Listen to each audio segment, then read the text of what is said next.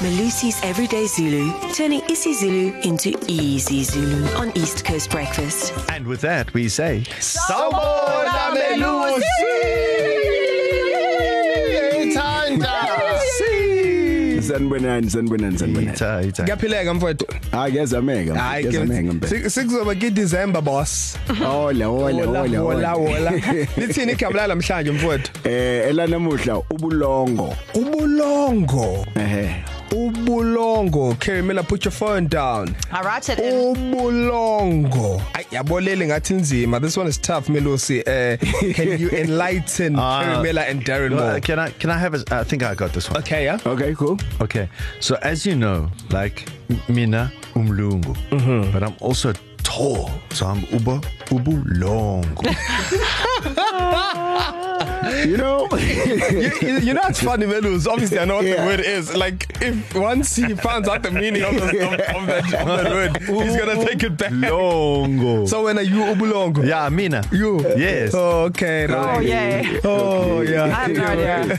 Melus, what is ubulongo is cow dung So, Darren Moore, you are counting. Oh snap! If I get called ubulongo, I'll take it. My word. It's fine. It's Wow, unique, and wow. there's multiple uses, guys. Let's not let's not disrespect the cow dung. It can be used to keep um, uh, the floors Yes. um, Yes, um, yes. solid. It can yeah. be Yeah. used as a, a cement filler to keep keep And bricks it's how our together. favorite mushrooms grow. And exactly, when uh, easy with the hour, you know, it recycles the grass and makes ex- excellent compost. It is a fantastic of all the excrements. This one is my favorite. So,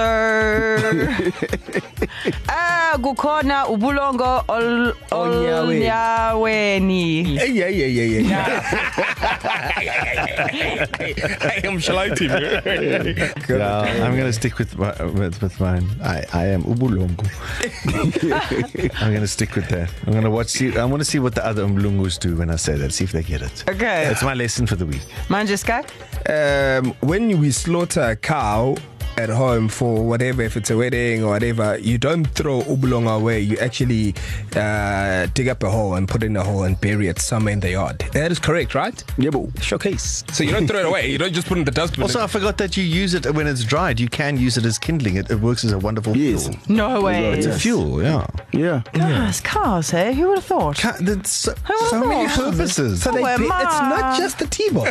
Kids of KZN, if you could use ubulongo in a oh sentence, WhatsApp us right now 061 792 9495. Thanks, Melissa. Thank you, sir.